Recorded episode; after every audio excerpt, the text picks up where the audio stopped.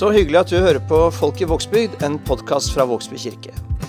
Mitt navn er Nils Terje Andersen, og sammen med de andre som jobber på bruket her, så har vi lyst til å bli bedre kjent med dette fine sognet vårt. Nær 13 000 mennesker bor det her, så rent teoretisk eller hypotetisk så er dette episode to av 13 000.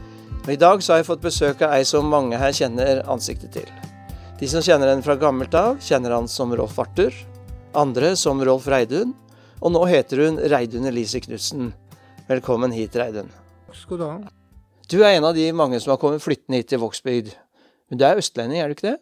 Jeg er født i Larvik, men jeg liker å kalle meg telemarking, da, for jeg flytta jo til Telemark en, til Skien jeg var en, to år. Ja. Men så øh, måtte du flytte for å gå på skole. Ja, den tida der, når du har cerebral parese som jeg har, Ja. så ble det jo tatt for det de kalte for litt stygt, da. Det er endeverk den gangen. Og da måtte du gå på en spesialskole, Oppe i Hadeland, ja. Hadeland. Det er et stykke unna Skien. Ja, det er jo Lunder i Hadeland. Det er jo opp mot Gran oppover der. Hvordan var det som eh, liten gutt å, å flytte Måtte flytte hjemmefra? Nei, det var litt rart, da. Blei litt sånn Du veit nesten ikke, husker nesten ikke hvordan det er, for nå begynner det å bli en del år siden. Ja, det, jeg skal ikke si du er gammel, men du er voksen. Men eh, de, årene der, for det blei eh, Hvor mange år var det du gikk på den skolen? Jeg gikk jo der hele skolen, eh, første til Eller andre klasse var det kanskje, så til syvende. Det var jo bare syv, år- syvende, det var jo det de kalte for framadsskolen den gangen. Ja, riktig. Det er gamle dager, dette. Men Hva var miljøet der, da? Nei, det var jo sånn, litt sånn så. Litt småmobbing og sånt, da. Ja. Nei, for den tida der, vet du, de lærerne og de som jobba der, sa det at man bare tåle fleip. vet du. Mobbing ble ikke sånn det ble i dag. Så du fikk beskjed om bare å tåle det? Ja. Ja. På det gutteinternatet, ja, så ble jeg og et par andre flytta på jenteinternatet. jenteinternat, ja. Løste det noe, eller? Ja, det ble i hvert fall bedre, for å si på den måten. Men var du så, da var du jo et barn, og så ble du i ferd med å bli tenåring. Reflekterte du Kan du huske at du reflekterte over hvorfor du måtte være der? Jeg tenkte vel ikke over det sånn i den forstand, da. Nei, det var sånn livet Bare sånn, sånn er det bare. Ja. Hm. Så der gikk du da til eh, Var ferdig med, med skolen. Hvor gikk ferden videre da? Så gikk en eh, På grunn av den tida der, så når du har cerebral parese som jeg har, så blir du Så jeg ble sendt på sentralinstitusjon oppe i Telemarken. En institusjon som heter eh, Dagsreimen. Eh, fordi du hadde cerebral parese? Ja. Og den gangen så var det jo sånn. Var det en type utdanning, eller hvordan? Nei, nei. nei. Det var bare ren institusjon. Ja. Men følte du det var eh, riktig, at du havna der? Nei, egentlig ikke. For at jeg kom jo meg på folkeskole etter hvert. Og så gikk jeg fra folkeskolen over til en videregående eh, skole oppe i Bergen. Mm. Og når de så karakterene derfra, så skjønte jeg her at det her hadde vært feilplassering. Hvordan føles det å være feilplassert, da? Eh, I ettertid så er det jo kjipt. Men det er ikke noe han kan gjøre noe med nå. De mente du var sånn og sånt, og du hadde en annen opplevelse. Du må jo ha hatt en følelse av at ingen skjønner hva du mener, hvem du er. Det er nok mye av det. For eh, jeg prøver å være meg sjøl og gjø- gjøre det jeg føler sjøl er riktig. Mm. For andre folk mener hva det de vil. Ja.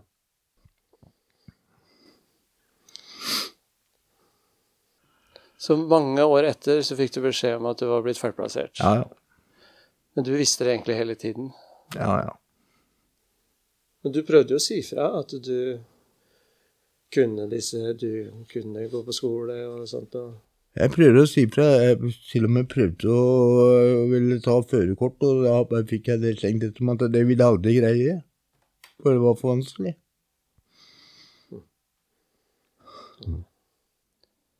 Ja, hva, det, hva gjorde det med deg? da? Var, var du bitter og sur i den tiden, eller var det Eh, nei, egentlig ikke. Det kan ikke Det som er gått bak der, må bare få være der. Altså.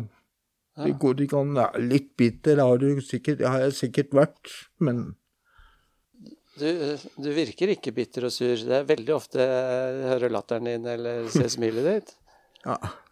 Eh, Men de, den eh, bakgrunnen der, den kunne ha gjort deg bitter og, og nedfor. Hva er det som holdt deg liksom eh, oppe? Nei, si noe det. Jeg vet ikke. Ja, at du ser Jeg prøver også å se framover og muligheter. Og så er det etter jeg kom for meg sjøl og begynte å jobbe litt og Det ga deg mye Ja, ja. Mm. Så etter videregående så eh, Nei, så ble jeg Når de så det oppe på Loksheimen, da, som det heter, mm. så eh, kom jeg til Oslo på Sentralinstituttet for cerebral parese. For å lære å bo i hvert fall sånn noenlunde normalt for seg sjøl. Jeg bor jo, jeg ser du har litt hjelp i dag her, men da lærte du å bo for deg sjøl og ta dine egne avgjørelser. Det var en bra tid. Ja, Oslo er fint, vet du. Ja, ja. Ja. Jeg bodde vel der i tre år. Jobba jeg på Fikk et sånn hospitantjobb på Skattefrut. Du fikk egentlig beskjed om at sånn førerkort og sånn, det kommer aldri på tale for deg. Det stemmer. Ja, det var for vanskelig. Men det var det ikke. Nei, Nei? jeg brukte jo noen timer, da, men Ja, ja, men det, det gjorde presten. Ja. Du har fortalt at en av de første kjøreturene du hadde, det var tilbake til den institusjonen. ja, det stemmer, det. Måtte du vise det? Jeg, ja, jeg har jo en som bor der, som bodde der, og som jeg reiste og skulle besøke, og så var jeg der oppe, og så spurte jeg åssen de som på kontorene der, hvordan jeg, hvordan jeg hadde kommet oppover. Så sa jeg jeg kjører med den bilen her, så, så pekte jeg ut på bilen. Ja, hvem er det som kjører den? Nei, den kjører jeg sjøl. Så bare la jeg fram uh, førerkortet. Her er det som dere har påstått at ikke jeg vil greie. Nydelig. Takk. Ja, for du, du hører Du har jo hørt noen ganger at uh, det går ikke. Å ja, det har jeg hørt mange ganger. Ja. Men sånn tenker du sjelden selv? Jeg har ting, ingenting er umulig før jeg har prøvd. Ja, det er mottoet ditt? Det er mitt motto. Ingenting er umulig før jeg har prøvd. Ja, Det minner meg litt om Pippi Langstrømpe. For hun Eh, Hva er det hun sier? Hun sier 'det har jeg ikke prøvd før, så det klarer jeg sikkert'. Ja, det er riktig. Ja. Det er en god motivasjon å ha med seg. Er litt sånn små, småsta med seg sjøl, så går det greit. Ja. For det har du vært nødt til å være. Ja, ja. Eh, men så, så blei du sørlending. Hva var det som sendte deg nedover hit, da? Oi. Hva skal jeg si? Eh, det var jo under den tida som Norge slo Brasil. Eh, Det var Ja, i 98. 98. Mm, 23. juni, tror jeg. Eh, Den tida da hadde jeg kreft. Testikkelkreft. Og når jeg ble frisk igjen av det, så bare var det noe som gikk i huet på meg, at nå må jeg prøve noe nytt. Og så søkte jeg meg over til Kristiansand. Ja. Og det var det nye. Ja, ja. Og kom fort inn i miljøet i Arbeiderpartiet og sånt noe her. Og da flytta du først til byen, ikke sant? Eh, Sentralt. Ja, først så ble jeg boende litt her borte på en det vi kaller for CC4. Mm, Camilla Collersvei 4. ja, nå peker Reidun ut av vinduet her. Og så var jeg nede i byen en stund, før jeg havna i Vågsbydeia. Ja. Og på Båtsmøveien. Var det et godt valg å flytte sørover? Ja, ja. Det var det. Jeg har ikke angra i en dag. Men da satt du i rullestol, gjorde du ikke? Jo. Det gjorde jeg. Av operasjonen og cerebralparesen, eller? De tror Kombinert, for å si på den måten. eh, Han legen jeg har her, han tror at eh, det var litt eh, psyk psykisk etter at jeg har hatt den kreften og det. Mm. Og at jeg har gått og vært nervøs. Og så ble boende der jeg hadde folk rundt meg og fikk den støtta jeg trengte. Og pusha meg litt opp og fikk meg framover. Ja, for du blei jo pusha litt på, på senteret òg. Ja, ja. Ja, fortell om det. Du ble, endte med jobb, det. Ja, jeg var jo begynte å jobbe Eller jeg ble sammen med en kamerat, for å si på den måten, oppe på Vågsbygds samfunnshus. Og gikk sammen med han en del kvelder. Holdt vel på et halvt års tid, eller et år. Til jeg fikk beskjed om at jeg kunne begynne. Jeg vet ikke om jeg kan nevne Børge, men Jo, må nevne Børge. Han, Børge syns jo Så han fikk jo hjelpa meg veldig godt til det greiet. Ja. Han syns jo at du hang der så mye at du like så godt kunne gjøre dette for deg, var det ikke det han sa? Jeg fikk i hvert fall den jobben etter hvert. ja. Og så reduserte jeg litt på trygda og fikk vanlig lønn. Og da kom du deg opp på Det hadde jo vært en prosess, da, men da var du, da var du på to bein.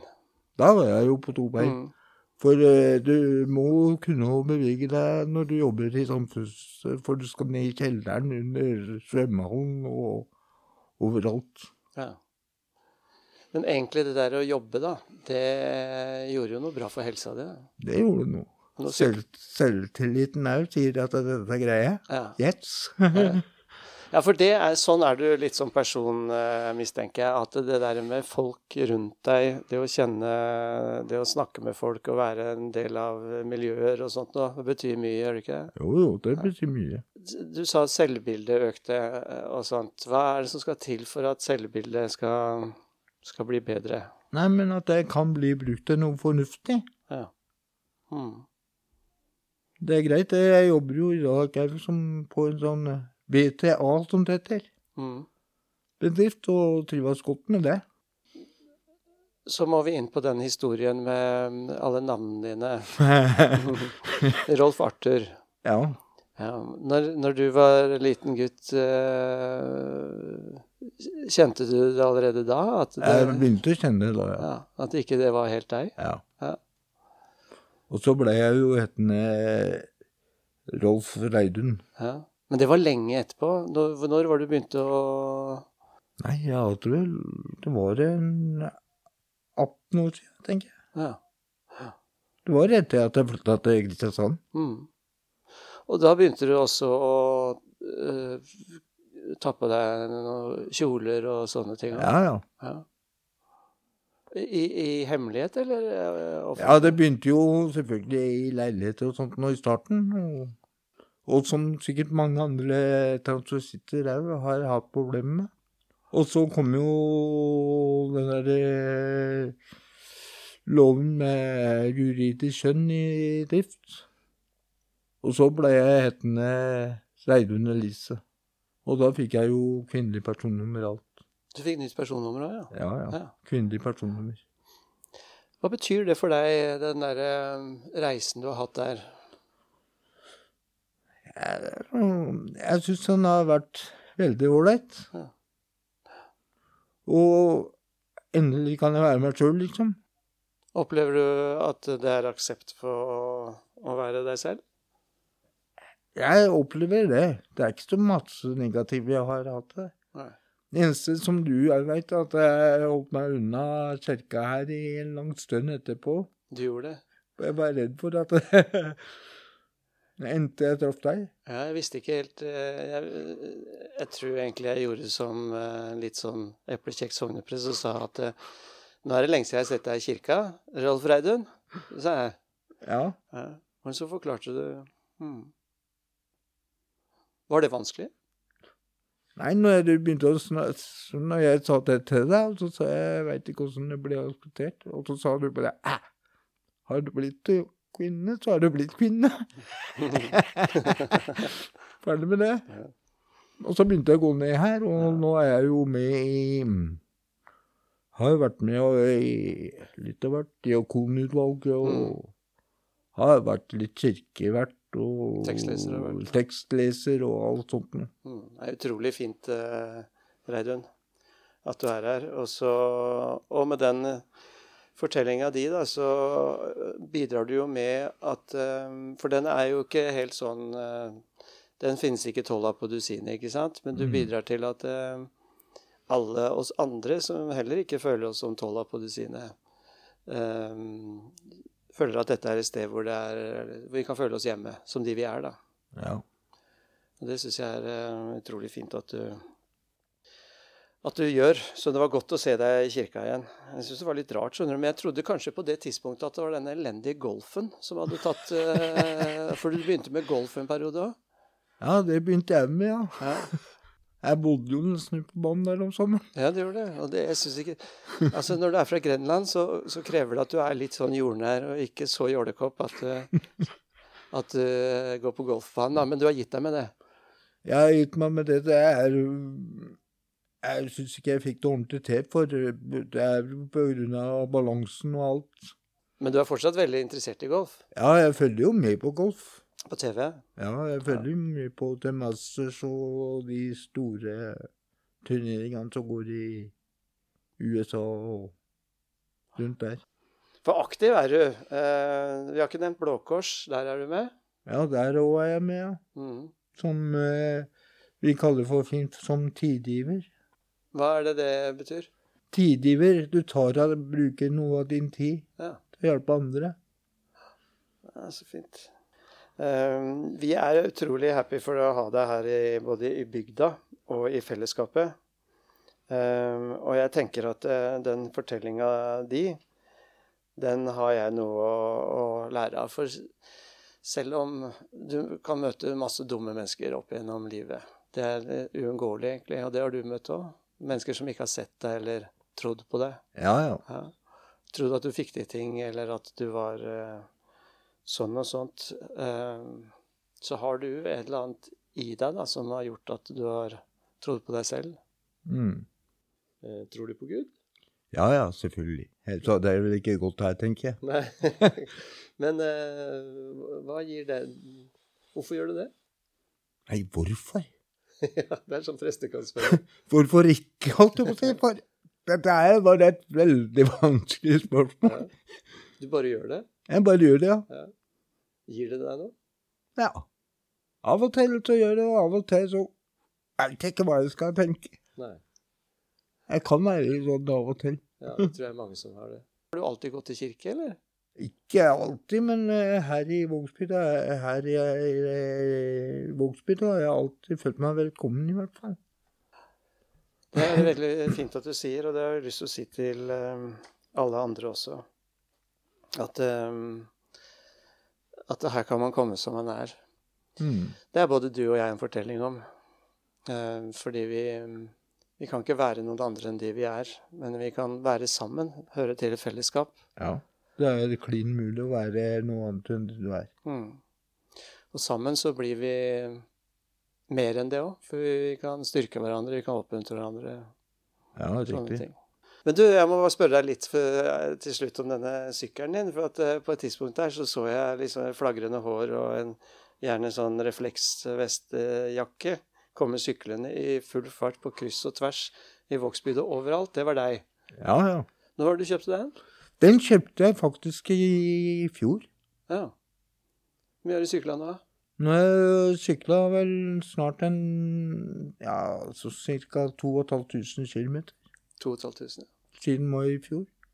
Det er vilt. Hadde du sykkel når du var barn? Jeg hadde jo, men eh, Men eh, jeg har jo en annen manuell sykkel her som er stående, da. Men jeg har bedre av CP-en så er, er det bedre å komme seg i gang og sånt med elektrisk. Ja. Og litt balanse og sånt òg. Det har litt med balanse og alt. Har du tryna nå? Ja. Men det, har du Gjorde noe dumt en gang som jeg sykla med litt langt skjørt, så satte jeg seg i eika. Ja, det var det jeg skulle spørre om. Du har rett og slett satt skj- skjørtet i eika. Det slapp du. Eller Ja, det kjente. Det er morsomt. Nei, det var ikke morsomt. Slo du deg, eller? Nei da. Ja, det var litt, men ikke noe sånt. Nei. Reis deg opp. Det var ikke sånn at jeg måtte til noe lege eller noe sånt. Det er bra. Ler av min egen dumhet. Ja, ja, ja. Så at det var akkurat i skjørtet, for det hadde jo ikke skjedd når du var guttunge. men, Nei, nei. det skjedde nå. Men du reiser deg opp igjen, eh, Reidun. Det er litt om livet ditt. Ja, ja. Ja. Takk for at du stilte opp. Jo, takk Takk skal du ha at jeg fikk lov å komme. Vi ses på senteret eller i kirka. Ja, ja. Ja. Ha det bra. Ha det.